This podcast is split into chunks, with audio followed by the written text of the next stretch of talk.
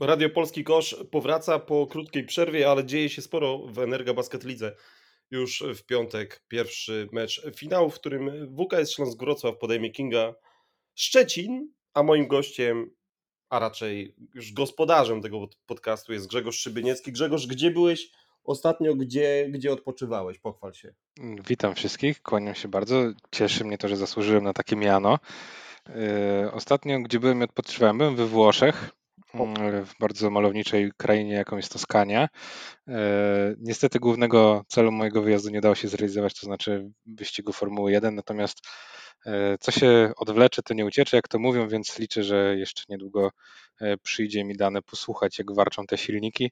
Natomiast no teraz duża, duża tragedia w tym regionie, także nie ma co żałować. No ważne, że, żeby jak najmniej osób ucierpiało od tego wszystkiego i a, a kiedyś się to odbije jeszcze. Ale generalnie regiony i, i miejsca do zwiedzania i na taki aktywny wypoczynek jak najbardziej polecam.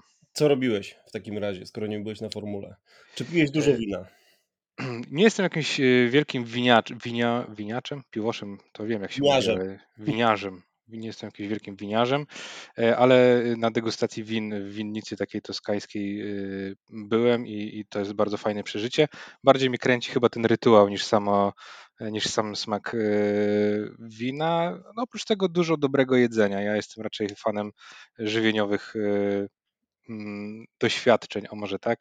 I tutaj Toskania, wszystkie mm, focaccie, różne kanapeczki, każdy gdzieś tam na krawężnikach zajada te mortadele z tą mozzarellą, to jest naprawdę bardzo fajne i, i tym e, z tego na pewno to zapamiętam. Mhm.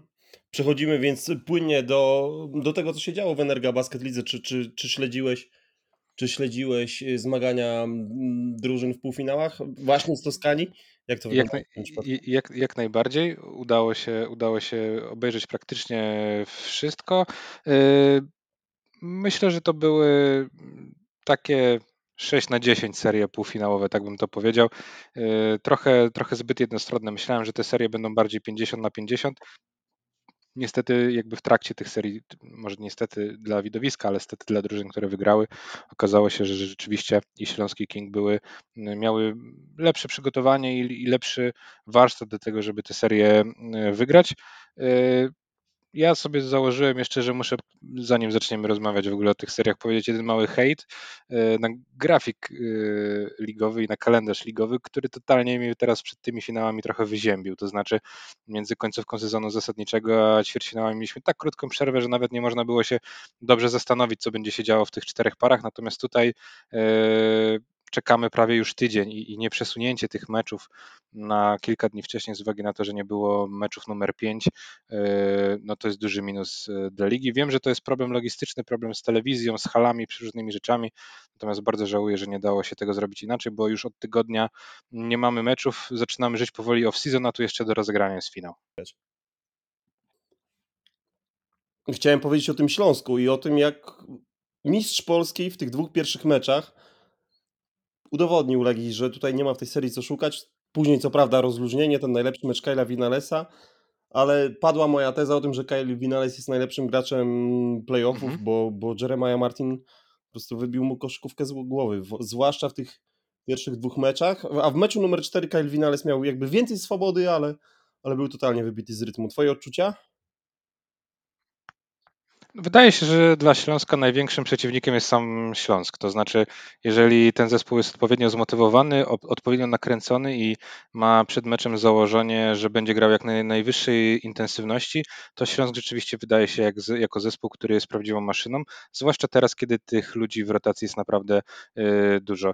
Przed serią Legii ze Śląskiem ja stawiałem tutaj takie 50-50. Naprawdę było dla mnie bardzo ciężko wytypować zwycięstwo, dlatego że spodziewałem się, że Legia jednak będzie trafiała za trzy punkty, że będzie w stanie generować pozycję na dystansie i że ta równowaga pomiędzy grą Śląska za dwa, a grą Legii bardziej za trzy będzie gdzieś zachowana i to się wyrówna. Niestety dla Legii y, tych pozycji naprawdę nie było i Kyle Vinales tutaj kompletnie nie mógł sobie poradzić i z kreowaniem pozycji dla siebie i z kreowaniem pozycji dla e, partnerów. Kilka trójek powiedzmy, że trafił Kamiński, coś tam trafił Kulka, ale y, to, to, wiemy o tym, że, że jakby trzonem tej Legii była trójka Leslie, Vinales i Holman i od tej trójki trzeba było wymagać jak najwięcej. To, że się, że kontuzji nabawił się, urazu nabawił się Leslie w pierwszym meczu, moim zdaniem gdzieś tą serię już też trochę ustawiło, że, że ta szala wychyliła się na korzyść Śląska, a zdominowanie meczu numer dwa i, i pokazanie i znalezienie patentu na Winalesa już totalnie przed, przed trzecim meczem wychyliło to mm, te, te korzyści na, na stronę Śląska. Trzeci mecz to jest jakaś aberracja dla mnie, coś co w teorii nie powinno się wydarzyć, ale wydarzyło, natomiast Śląsk dalej był dla mnie dużym faworytem i, i 3-1 po tych dwóch pierwszych meczach, tak jak wspominałeś, po tych dwóch meczach, których Śląsk zaznaczył swoją przewagę, nie było żadnym zaskoczeniem. Mhm. Trochę na usprawiedliwienie Legii mo może działać to, że Billy Garrett był nieobecny w tej serii. Te, te problemy z plecami okazały się poważniejsze niż chyba nam się wszystkim wydawało. I jestem mhm. ciekaw, jak Legia zbuduje, zbuduje skład na przyszły sezon, bo coś, co rzuca mi się w oczy po tej serii, to jest to, że no, potrzebny jest mocniejszy polski roster i to, i to pokazuje Śląsk Wrocław, który po prostu ma najlepszych obecnie, najlepszy roster, tak. jeżeli chodzi o Polaków i, i, i, i z taką Legią wygrywa serię 3-1 bez większych e, problemów, poza tym wypadkiem przy pracy w, w meczu numer 3. Zdecydowanie tak. I Legia na pewno też potrzebuje zawodników, którzy są w stanie rozegrać chociażby zwykłego pick and rolla yy, gdzieś tam na, na, na skrzydle yy, z wysokim, z piłką w rękach. Śląsk ma masę takich zawodników, bo to nie jest tylko Martin i Kolenda, ale może z piłką grać Pusica. Yy, Kuba Nizioł szybko przetransportowuje piłkę spod własnego kosza na drugi, też jest w stanie na koźle coś zrobić. Mamy Daniela Gołębiowskiego, nawet Justin Bibbs trochę dostał teraz tej piłki i powiedzmy, że po zasłonie jest w stanie cokolwiek zrobić. Iwan Ramniak potrafi jest tych opcji naprawdę dużo w Legii. Tak naprawdę, kiedy wykluczymy Bilego Gareta, został nam tylko Winales i Łukasz Koszarek. I w ograniczonych minutach Travis Leslie, ale ja na Leslie'ego patrzę bardziej jak na, na skrzydłowego jednak zawodnika, który dobrze się czuje w walce o zbiórki ofensywne, e, który raczej powinien rzucać catch and shoot, ewentualnie grać tyłem do kosza, gdzie ma bardzo dobry rzut z odejścia, więc Legii na pewno zabrakło tutaj e, moim zdaniem kreacji gry e, na koźle, zwłaszcza, że, że Winales po prostu no może nie koncertowo się wyłożył, po prostu, po prostu znalazł się na niego dobry pomysł i dobry obrońca, długi obrońca z aktywnymi rękoma i, i Śląsk y, idealnie się strzelił z odpowiedzią na, na, na Amerykanina. Mhm. Plus nie działał Jeffrey Grossell, który nie działał, powiedzmy to sobie głośno, to żadne odkrycie przez cały sezon. Tak. I wydaje mi się, że teraz jeżeli zejdą mm, pieniądze olbrzymie z kontraktu Grossela, to, to będzie można je zagospodarować i, i wydać właśnie mhm. na polski roster. Jestem ciekaw, co, co, co zrobi Legia mm, poszuk poszukując gracza na pozycję numer 1 lub 2, poszukując mhm. gracza, e, gracza kozującego, bo wydaje mi się, a kogo, a kogo byś widział w Legii y, z polskich zawodników? Ja mam, ja mam jeden sneaky typ, typ. Hmm. Nie, nie wiem jak zareagują na to fani Legii albo, albo trenerzy, którzy będą pewnie ten hmm. podcast słuchali, ale ja bym, ja bym chyba rozmawiał z Kubą, musiałem. Chciałbym, chciałbym po prostu mhm. defensywnie nastawionego, rozgrywającego, który wchodzi z ławki, yy, potrafi przykryć najlepszego gracza, a przy tym trafić jakąś trójkę. Nie wiem, czy Legia nie, nie, nie musi mierzyć trochę wyżej, to znaczy takich rolsów jak Wyka, Kulka, pewnie Kamiński będzie, będzie miała. E, ja pomyślałem o kimś, kto powinien być top 5 Polaków w lidze e, i, i ja szczerze mówiąc y, myślałem o, o, o bardzo mocnych próbach ściągnięcia Marcela Ponitki albo Tomka Gieło. Gielo. E, to znaczy zawodników, którzy mają naprawdę dobre kontrakty za granicą, są otrzaskani, sprawdzeni. Natomiast jeśli Legii uda się y, po raz kolejny zagrać w pucharach europejskich, po raz kolejny zbudować wysoki budżet, to ja bym się skłaniał ku temu, że, że ten zespół potrzebuje zawodnika, z którym można kończyć mecze, bo ani Musiał, ani Kamiński, ani Kulka, ani Wyka to nie są zawodnicy tacy idealni do gry w finale y, w decydujących y, końcówkach. Być może Grzesiek Kulka tak, natomiast ja bym tutaj szukał jeszcze jednej opcji, opcji zdecydowanie bardziej jakościowej. Okej, okay. no ten sezon Marcela Ponitki w lidze ACB nie jest sezonem, który, który, który jakby gwarantuje mu grę w przyszłym roku, tylko pamiętajmy o tym, że Marcel jest bardzo ambitny i on pewnie tę furtkę na powrót zostawia sobie na koniec. Na pewno mhm. szukał oferty za granicą. Co do Tomka Gielo nie wiem. Nigdy nie rozmawiałem mhm. z Tomkiem Gielo, więc nie wiem, jakie, jakie, jakie on ma na to zapatrywania. Podejrzewam, że ta oferta, którą podejrzewam, że ta oferta, którą miał w Turcji jest pewnie do, do przelicytowania przy, przez Legię Warszawa, ale masz rację, przy, przy, przydaliby się w Legii klasowi robiący różnicę Polacy, yy, bo tego brakowało w tej serii. I trochę ta, trochę Legia jakby postawiła wszystko na jedną kartę właśnie, właśnie z Kylem Vinalesem. Kiedy Legia wygrywała, a wygrywała długo, to, to nie widzieliśmy tych problemów, jakie mogą Mhm. być, kiedy jego zabraknie w, w grze. I co ciekawe, to, to, co jakby rzutuje też na mój obraz Śląska, jest to, w jaką zapaść y, w ofensywie popadł ten zespół y, w tym meczu numer 4. Tam było bardzo blisko dogrywki, naprawdę. Tam, tam właśnie dwa posiadania Kyla Vinalesa, takie przy minus 10, gdzie on zrobił kroki, a wcześniej nie trafił jakiegoś trudnego floatera, były według mnie decydujące dla losów spotkania. Tak, no Śląsk nadal to jest drużyna, która y, bardzo mocno się napędza i gra falami, ale korzysta z tempa gry. E, a jeśli nie ma tego tempa gry, to zaczynają się moim zdaniem trochę schody. To znaczy zaczynają się akcje e, Jeremiah Martina do gry w półdystansie, gdzie szuka floaterów czy rzutów e, z takiego półdystansu 4-5 metrów, albo gra przez Aleksandra Dziewę. I tak jak chociażby zdaje się, że w pierwszym meczu świetnie to wypadło i Aleksander Dziewa był takim closerem tego spotkania, gdzie dostał kilka piłek, trafił trójkę, no, zachował się jak prawdziwy lider. Tak, jeżeli te dwie opcje nie zadziałają, to Śląsk zaczyna mieć schody. To znaczy, ten spacing nie jest idealny, bo brakuje trochę pewnych y, y, strzelb na obwodzie. Y, Jeremiah Martin nie wszystkie swoje floatery trafi, nie zawsze wymusi faul, nie zawsze się dostanie do obręczy. Aleksander Dziewa też czasami potrafi się troszeczkę zakopać, poszarpać o te zbiórki i gdzieś utonąć w swoich myślach i, i pretensjach do sędziów. Więc tutaj, jeżeli nawet już wybiegając trochę pod, pod serię z Kingiem, myśląc o zaciętych końcówkach, to, to myślę, że, że Śląsk może mieć z nimi kłopoty. Mhm. Y, to, co rzuca się w oczy, to jest to, o czym mówiłeś wcześniej, że nawet Justin Bieber wygląda ok w tej serii mhm. i to jest da, nadal Justin Bieber grający poniżej 30% z gry.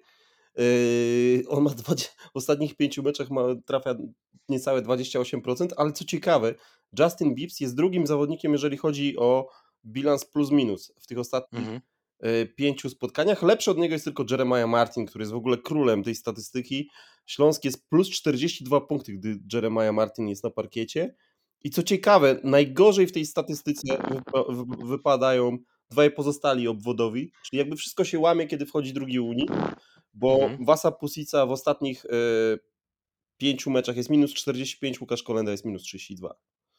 Tak, i to też było tak w sezonie, dlatego Jeremiah Martin tak długo był kandydatem do MVP i, i praktycznie no, był na równi z, z Andy Mazurczakiem. Być może Andy był trochę przez nas e, faworyzowany, bo, bo takie suche liczby raczej by wskazywały na Jeremiah Martina, bo, bo gra Śląska bez niego się załamywała. Gdzieś e, pamiętam, że z Jackiem wyliczaliśmy to na, na jakimś etapie sezonu, to było już ponad 80% meczów, to Śląsk bez Jeremiah Martina to była dziesiąta najlepsza drużyna w naszej lidze, czyli to był zespół, który by nawet nie awansował do playoffów według netrate ratingu, więc e, tak, no Śląsk bez Martina, a z nim to jest niebo a ziemia.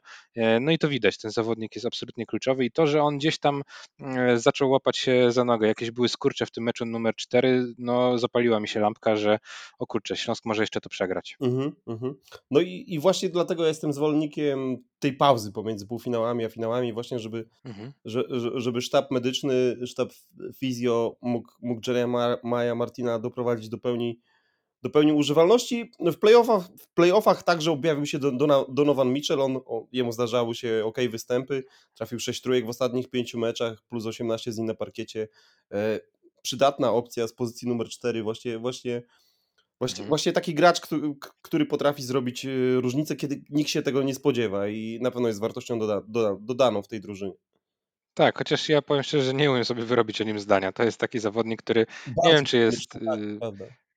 Tak, tak nie wiem, czy to jest shooter, czy to nie jest shooter, czy to jest gracz bardziej atletyczny, czy nieatletyczny, czy fizyczny, czy na koźle coś potrafi. Ja jeszcze nie umiem go zdefiniować, ale na pewno nie można mu odmówić tego, że kilka razy mm, dał duży impuls Śląskowi, to znaczy trafił ciężki rzut, bo on akurat tę umiejętność trafiania rzutu gdzieś po stepbacku, czy ciężkiego rzutu gdzieś z ręką po prostu e, ma i, i to jest nieocenione, natomiast e, gdybym e, sobie wyobrażał nie wiem, jakiś zespół na przyszły sezon i miał do rozpatrzenia Donowana Michela jako potencjalnego zawodnika do tego składu, to nie umiałbym go włożyć w jakieś ramy, to znaczy powiedzieć, ok, dobra, mamy takiego i takiego zawodnika, potrzebujemy innego gracza.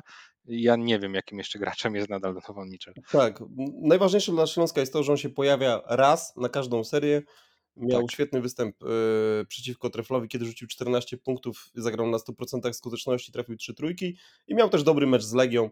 E, ten, ten mecz 71-57, drugi mecz, gdzie rzucił 14 mhm. punktów, znowu grał na świetnej skuteczności. Wystarczy pewnie, żeby trafił mu się jeden taki mecz z Kingiem i, i, i wszyscy we Wrocławiu będą zadowoleni, a Donovan Mitchell ma już podpisany kontrakt na przyszły sezon, wraca do Australii, więc... więc Tak, na, typowy Joker po prostu. na, na szczęście prezes, prezes Zięba i, i Paweł Turkiewicz nie będą się głowić, czy, czy zaproponować mu umowę. No, to mogłaby być ciekawa umowa. Musiałem sobie pozwolić na, na ten żart o, o GTK Gliwice. Wybaczcie, fani GTK. Wracamy, wracamy do tych naszych rozważań o, o tym, co się, co się może Mhm. wydarzyć w finale. Jeżeli zaś chodzi o drużynę Kinga Szczecin, no to, to tam dzieje się to, o czym mówiłem, czyli Alex, Alex Hamilton rośnie w tych playoffach. Jest obecnie drugi, jeżeli chodzi o statystykę plus minus. Gra bardzo przyzwoite te playoffy. Przyzwoite to nawet za Maeso. Gra po prostu dobrze i, i w obliczu kłopotów ze zdrowiem Filipa Matczaka, o których nie można nie wspomnieć, Filip nie jest w pełni, w pełni Tak. sił i, i daje z siebie wszystko w obronie, ale, ale, ale, ale w ataku to nie jest ten Filip, którego znamy z sezonu regularnego, to ten Alex Hamilton okazuje się bardzo przydatny, tym bardziej, że nadal, nadal strzelecko cierpi Andy Mazurczak, on w ostatnich pięciu meczach trafił jedną trójkę, rozdał Tak, ale, star, ale stara się być przydatnym i to, to też na duży plus, że gdzieś Andy e, nie zakopał się sam w sobie, tylko gra dla zespołu i to jest coś chyba, za co trener Miłoszewskiego najbardziej docenia, to znaczy widzi w nim, że on cały czas się stara, że chce, że nie załamał się pod wpływem tych statystyk. Być może ta MVP go trochę przytłoczyło, nie wiemy tego, natomiast e, ostatnie mecze miał dobre, gdzieś był aktywny w defensywie, na zbiórce, starał się e, kreować grę, to, to były już dobre mecze Andy'ego mimo braku statystyk. Alex Hamilton y, wygląda znakomicie. To, że on jeszcze trafia trójki, y, sprawia, że, że z miejsca to być może jest drugi albo trzeci najlepszy zawodnik y, Kinga w tych playoffach. W ogóle ciężko jest powiedzieć o kimkolwiek w Kingu, że, że gra słabo w tym postseason. Oni są świetnie poukładani, świetnie przygotowani do, do, postseason i to co, to, co mi się najbardziej podoba w tym wszystkim, to to, że King jest nauczony absolutnie bezbłędnie grać prostą koszykówkę, czyli kiedy ta koszykówka sprowadza się do zmian krycia, do akcji 1 na 1, do akcji 2 na 2, to oni mają idealnie wszystko rozpisane, idealnie wszystko przeczytane, gdzie mamy przewagę, czego unikać, e, w co celować, jak zmienić, żeby e, rywal nie osiągnął swojego celu. To, to mi imponuje niesamowicie i to jest gra, e, jaką możemy zobaczyć bardzo często za oceanem w playoffach i to jest, to jest coś, o czym trenerzy tego nowej, tej, do, do czego trenerzy nowej generacji moim zdaniem dążą. Mhm. Mi się wydaje, że to jest właśnie też, też jakby wpływ Żana Tabaka i tego najlepszego, najlepszego zastalu na to, jak gra teraz King. Tamten zastal też tak grał, że po prostu co by się nie działo, oni wiedzieli, co grają, jakie sety, grali w kółko swoje, swoje, swoje, aż, aż, aż, w, końcu, aż w końcu te zespoły jakby cierpiały i, i padały pod, pod, pod naporem tej, tej konsekwencji.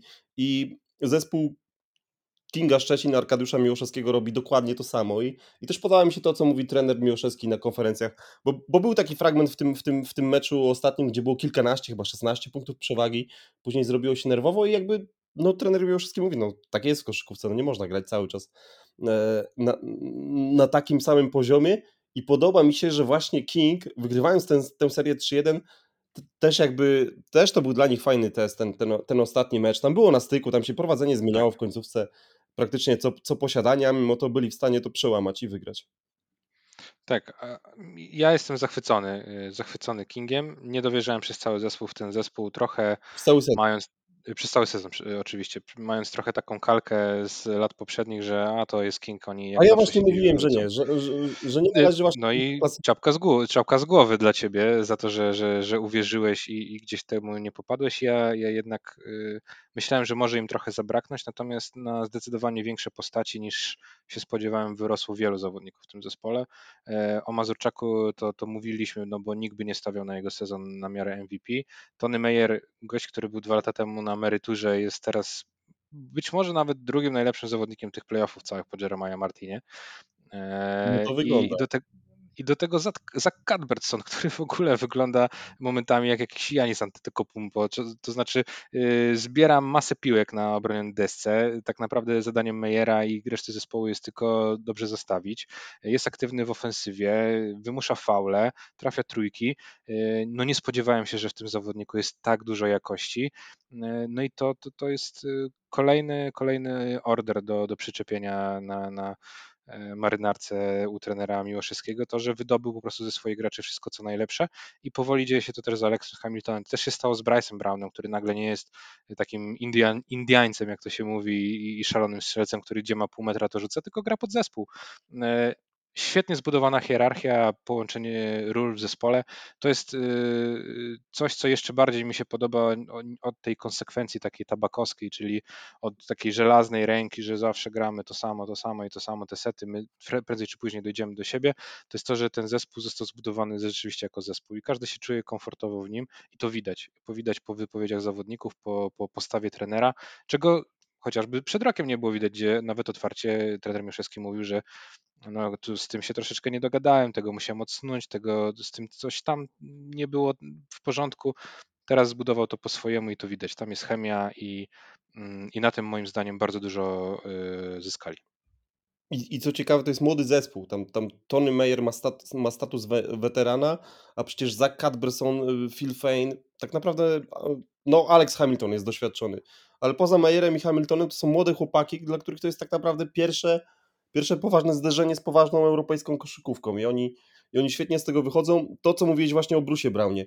Był taki moment w serii z um, Anwilem Wocławek, mhm. e, ten pamiętny mecz, w którym Victor Sanders rzuca game winnera, tam Bruce Brown obraził się w pewnym momencie na zespół, stał z boku, nie mhm. słuchał na czasach i tak dalej. I podoba mi się to, że mimo tego udało się tego Bruce'a Browna odbudować, udało mi się, mu się powiedzieć, ej chłopie, graj pod zespół, no i on gra pod zespół, on jest w tej chwili drugi, jeżeli chodzi o liczbę trójek trafionych w ostatnich pięciu meczach, 10 z 25 rzutów. Lepszy jest tylko Tony Meyer, 11 na 24, to też jest fantastyczna, fantastyczna mm, skuteczność. I właśnie to, o czym mówię. Mimo tego, że to jest młody zespół, to stosunkowo ten młody zespół popełnia bardzo mało błędów.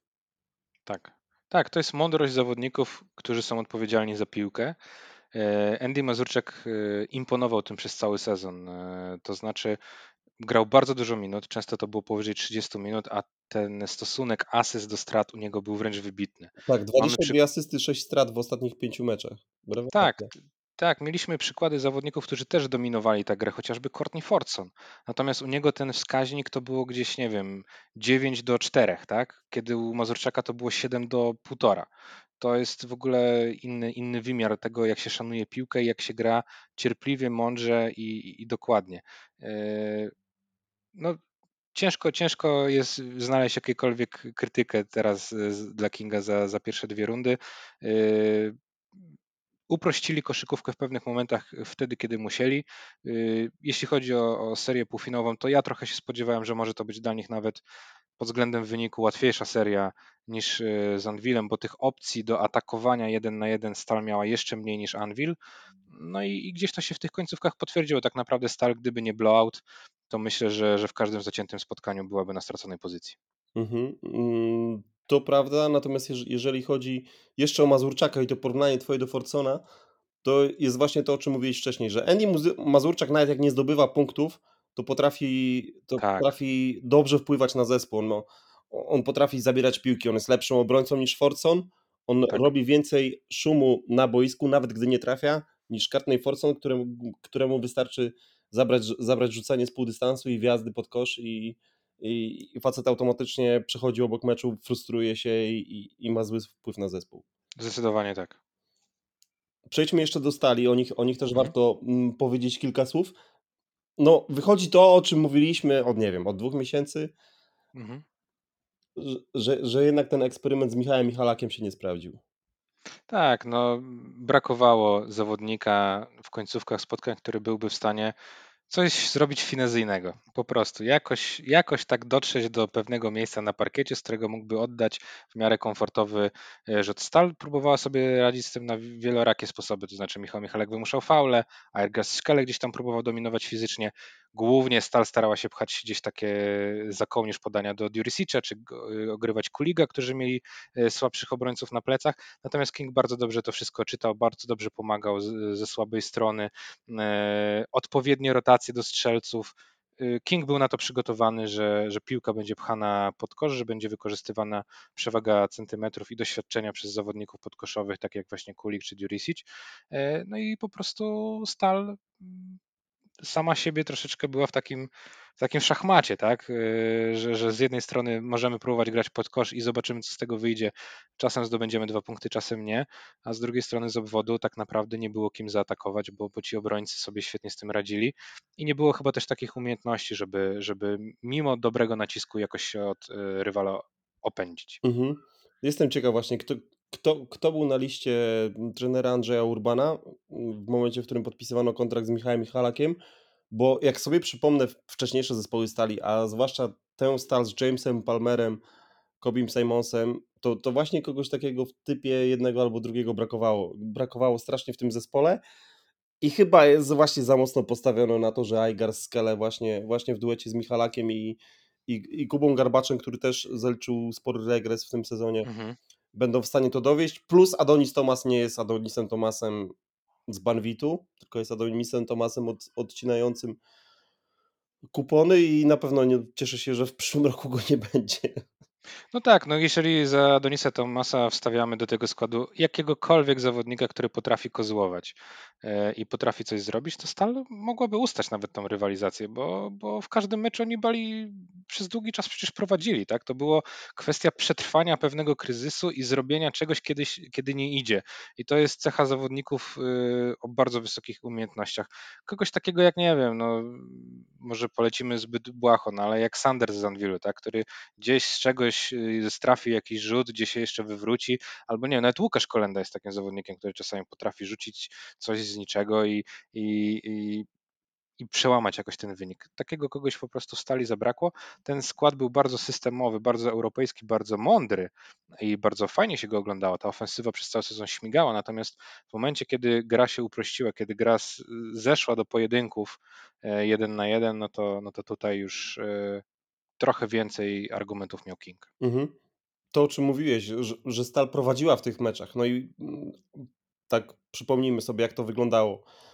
Eee, mecz numer jeden przegrany dwoma punktami. Mecz numer dwa przegrany pięcioma punktami. Mecz numer trzy wygrany trzydziestoma dwoma punktami.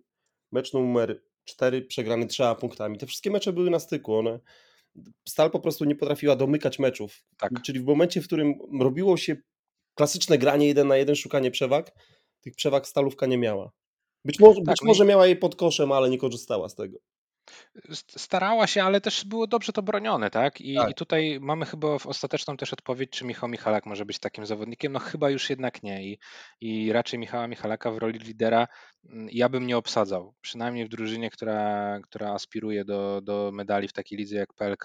On może być świetną y, opcją na, na całe mecze. Zawodnikiem numer dwa, numer trzy. Natomiast kiedy przychodzi do najważniejszych rozstrzygnięć, to moim zdaniem potrzebny jest obok niego zawodnik, który coś e, na piłce zrobi e, lepiej, nie wiem, trafi stepbacka chociażby. W stali nie, nie, znam, nie jestem w stanie znaleźć zawodnika, który jest w stanie sobie wypracować dobry rzut po stepbacku, a to jest taka umiejętność, która staje się coraz popularniejsza, nawet wśród europejskich zawodników w dzisiejszej koszykówce.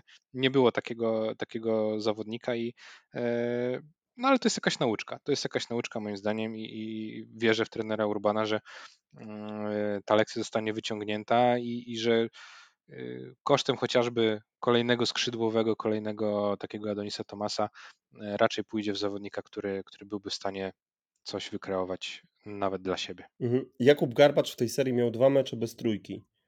Eee, dwa razy był 0-3 za 3, raz był 2 na 10, raz był 3 na 9.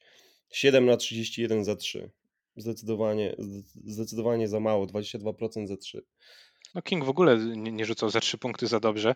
Oni byli jedną z najlepszych drużyn, e, jeśli chodzi o trójki w tym sezonie, albo w ogóle najlepszą, już teraz nie pamiętam. Natomiast Mówisz o stali pierwszy... Kingu? O stali, o stali. Okay. E, oni w pierwszych dwóch meczach trafili 9 trójek, to jest mniej niż średnio trafiali w jednym meczu w sezonie regularnym, więc e, King absolutnie zabrał ich tożsamość. Zmusił ich do gry, której, do której stal nie była przyzwyczajona, do która nie była ich kręgosłupem i po prostu to, to, się, to się powiodło Szczecinanom. Jeszcze raz wielkie brawa. I, I też to ustawienie, o którym już mówiliśmy wcześniej, czy ten small ball z Cadbersonem na czwórce i Stonem Meyerem na piątce. Nie było na to, to, nie było na to odpowiedzi. Kiedy, kiedy, kiedy właśnie Arkadiusz Miłoszewski robił coś takiego i, i miał na boisku trzech graczy kozłujących, wtedy, wtedy King kreował przewagi i, i, i wyglądał świetnie. Jestem ciekaw, jak będzie wyglądała ta seria ze Śląskiem, ale, ale, ale obawiam się, wybieram się w ogóle zresztą jutro na mecz do, do Wrocławia, obawiam się, że będziemy świadkami czegoś podobnego, co w meczach z Legią Warszawa, czyli Śląsk będzie chciał wykorzystać atut hali ludowej i wygrać tam dwa spotkania, jechać do Szczecina przy 2-0. Ja też tak uważam, natomiast y, zbyt dużo osób chyba zaczyna tak uważać, żebym y, y, zaczął stawiać na to pieniądze. Moim zdaniem też może być coś takiego. To znaczy dla Kinga to jest absolutny sukces i nikt ich nie stawiał, że będą w, tym, w tej pozycji. I dla nich ten sezon już jest troszeczkę, mogą być już najedzeni. Trochę ta, to powietrze może z nich zejść. Obawiam się tego. Mam nadzieję, że nie. Mam nadzieję, że ten zespół cały czas będzie głodny zwycięstw i, i będziemy, zobaczymy fantastyczną koszykówkę. Natomiast e, wydaje mi się, że ta intensywność i, i napędzanie gry przez Śląska może przytłoczyć trochę e, Kinga. No i Śląsk w porównaniu chociażby do Stali, no ma kim się odgryźć, jeśli chodzi o grę e, jeden na jeden z piłką w rękach i jeden na jeden e, tyłem do kosza także. Także mm, tutaj sprowadzenie tej gry do, do uproszczenia tej gry do jednej zasłony, do, do, do grania jeden na jeden, może się powieść Kingowi, ale, ale na pewno nie będzie tak efektywne jak chociażby w serii ze Stalą, czy nawet z Anvilem. Mhm.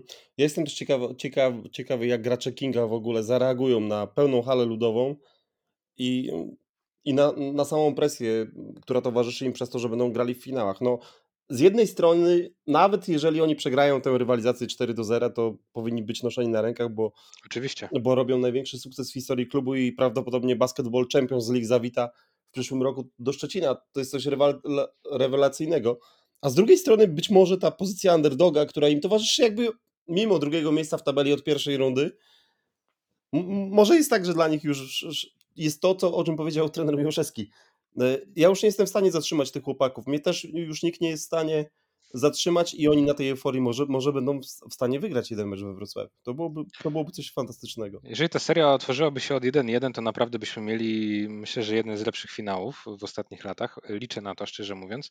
E, na, na tę chwilę największy tutaj e, to, co sobie wypisałem na kartce, jakby patrząc na ten finał, to jest kontrola tempa i kto tą kontrolę tempa przejmie. Tak jak chociażby w serii mm, ćwierćfinałowej Legia spójnia, ten, kto kontrolował to tempo, czyli Legia zwalniała, grała swoją akcję, wykorzystywała to, że ma po prostu lepszych jakościowych zawodników, absolutnie kontrola tempa była po ich stronie i oni zdominowali tę serię 3-0, tak tutaj też wydaje mi się, że coś może być e, na rzeczy. To znaczy, jeżeli Śląsk pozwoli mu się grać szybko, pozwoli się napędzać te y, kontry takim zawodnikom jak Ramliak, jak Nizioł, jak zaczniemy, jak zobaczymy dużo biegania na parkiecie, to myślę, że King tego nie jest w stanie ustać, mimo że sam potrafi grać e, z kontry. Natomiast kiedy mecz troszeczkę zwolni, kiedy będziemy mieli wyniki około 70-70, no to tutaj myślę, że King może zacząć się czuć komfortowo, bo po prostu ma argumenty, po prostu już przez dwie serie wypracował sobie pewne schematy, które działają. To znaczy można podać piłkę do Meyera,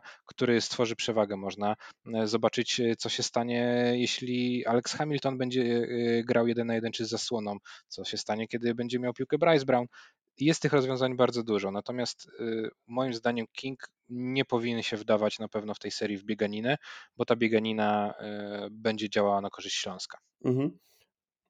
Jak sobie porównuję oba zespoły, to, to wynika z nich, że, że te różnice są, są ciekawe na korzyść Kinga. Są one nieznaczne, to, to jest zwykle kilka punktów procentowych, ale jeżeli, jeżeli chodzi o posiadania w meczu, no to to jest 83,5 posiadania na mecz yy, w zespole Kinga i 83 posiadania w zespole Śląska Wrocław, więc grają niemal w podobnym tempie. Punkty 84,5 King, 83 Śląsk Wrocław, rzuty za 2 56,8% ma zespół Kinga, 55,6% ma zespół Śląska, rzuty za 3 punkty 38% King przy 21,6 próba, próbach, 35,6% Śląska Wrocław przy 23 próbach. Wyglądają niemal identycznie te zespoły. Śląsk lepiej rzuca wolne, 75% do 68%. Jeżeli chodzi o zbiórki, jest bardzo podobnie. Lepszy na atakowanej desce jest King, na bronionej, na bronionej desce zespół z Wrocławia. Tak, tutaj ta walka pod koszem, dobrze, że o tym mówisz. Wydaje mi się, że może być znowu bardzo, bardzo determinująca dla tej serii, no bo czy Dziewa, czy, czy Parachowski, czy, czy nawet gdzieś tam e, wchodzący z pozycji numer 4 czy 3 inni zawodnicy, to jest duże zagrożenie ponowieniami i ofensywnymi zbiórkami. Tutaj King musi E, być przygotowany na bardzo fizyczną walkę. Zobaczymy, kto będzie starał się powstrzymywać Ar Arcioma e, Parachowskiego w tej serii. Czy odkurzony zostanie Maciej Żmucki, czy może, nie wiem, e, zostawiony zostanie sam z tym Fane? Słucham? Ryzykowny typ. No, też raczej wydaje mi się on nieprawdopodobny. Też raczej wydaje mi się on nieprawdopodobny, z tym, że no jakby niepodważalną przewagą może być ten Parachowski dla Śląska. I tylko to, że on jest większy od swojego rywala, nie znaczy, że łatwo będzie mu dograć piłkę i, i King to pokazał już w serii ze Stalą, że nawet jeżeli taki Durisic miał przed sobą niskiego rywala, to wcale nie było to takie łatwe, żeby tą piłkę mu na centymetry zagrać. Zobaczymy, jak będzie King się spisywał w defensywie, a ta defensywa w playoffach poszła zdecydowanie do góry i na pewno y, na korzyść y, Szczecinian działa to, że, że Śląsk nie jest rzucającą za trzy punkty drużyną. To znaczy oni mogą trochę sobie pozwolić na murowanko e, pola trzech sekund, a trochę tego ciała i mięśni na pewno mają. Mhm. Y, jeszcze, jeszcze słowo a propos Parchulskiego. Właśnie nie, wydaje mi się, że najlepszą metodą na Parchulskiego jest po prostu obniżanie składu. Tak, może wygonienie go z boiska i granie z Tonym Meyerem na piątce może przynieść naprawdę bardzo dobre skutki. Mhm. I... Zwłaszcza, że pamiętasz y, ten mecz z MKS-em Dąbrowa Górnicza. Uwielbiam tak właśnie... On obnażył, tak. obnażył bolączki Śląska. Dokładnie. Jacek Winicki wygonił w tamtym meczu z boiska mm, Arcjama Parachowskiego, więc być może warto by było zaczerpnąć z tamtego spotkania. Tak, i, i zaprosił Śląsk do rzucenia za trzy, które kompletnie w tym meczu nie szło. Jestem ciekaw, jak to będzie wyglądać. W ogóle bardzo jestem ciekawy meczapów w tej serii, no bo mamy Andiego Mazurczaka z Jeremiah Martinem i Jeremiah Martin na pewno, raczej nie spędza mu to z, snu z powiek, ale na pewno będzie chciał udowodnić wszystkim, że to on powinien być MVP i, tak. i pewnie gdyby miał polski paszport, to by to MVP dostał, no ale wiadomo. Y, Oczywiście, ta nagroda należa, należała się Andiemu Mazurczakowi za, za sezon regularny i za to, że doprowadził swoją drużynę do, do drugiego miejsca w tabeli. Ale mamy też pojedynek Tonego Mejera z Aleksandrem Dziewą, mamy pojedynek Zaka Cadbersona z y, Jakubem Niziołem, Phil Fane kontra, kontra właśnie Parachuski, czyli dwa różne style, style mhm. dwaj różni środkowi, no jestem bardzo... A nie, a nie myślisz, że bardziej Meyer kontra Ramliak tutaj zobaczymy? To, to ja się na to powiem szczerze, bardziej szykuję. O proszę, okej, okay. czyli, czyli że Ra Ramliak broniący Meyera, okej. Okay. Tak, na czwórce myślę, że Ramliak ostatnio startował bardzo dużo, e, w bardzo wielu meczach e, na czwórce, Dziewa na piątce i raczej bym się spodziewał, że Olek Dziewa zostanie rzucony jako ten bardziej atletyczny center na Fila Fejna, e, a, a Ramliak jako aktywny obrońca, który gdzieś będzie próbował wybijać te piłki Mejerowi i odcinać mu linię podań, jako taki pająk trochę, myślę, że, że te, znaczy ja się tego bardziej spodziewam przynajmniej. Jestem ciekaw, ile trójek trafi Ramliak w finałowej serii w ostatnich pięciu meczach trafił 4 z 15. Ja jestem w ogóle zwolennikiem o, o zachęcania Iwana Ramliaka do jakichkolwiek decyzji rzutowych. Tak, tak. No, nie ma co się podłamywać, nawet jak trafi dwie, dwie trójki na początku meczu. Trzeba być wobec niego konsekwentnym, zwłaszcza, że Ramliak też jest zawodnikiem, który gra trochę emocjonalnie, to znaczy potrafi się zdenerwować i gdzieś ta forma na 2-3 minutki potrafi mu spaść. To prawda, ale jest też takim zawodnikiem jak Andy Mazurczak, czyli zawodnikiem, który nawet jak nie zdobywa punktów, to to potrafi mieć y, olbrzymi wpływ na grę swojego zespołu. Tak, no to mówiliśmy o nim w poprzednich nawet y, sezonach jako takim cichym MVP tego Śląska. To znaczy, kiedy Ramniak był na boisku, to działała nagle obrona, lepiej się grało w ataku, lepiej się zbierało. Mimo, że w statystykach niekoniecznie było to widać.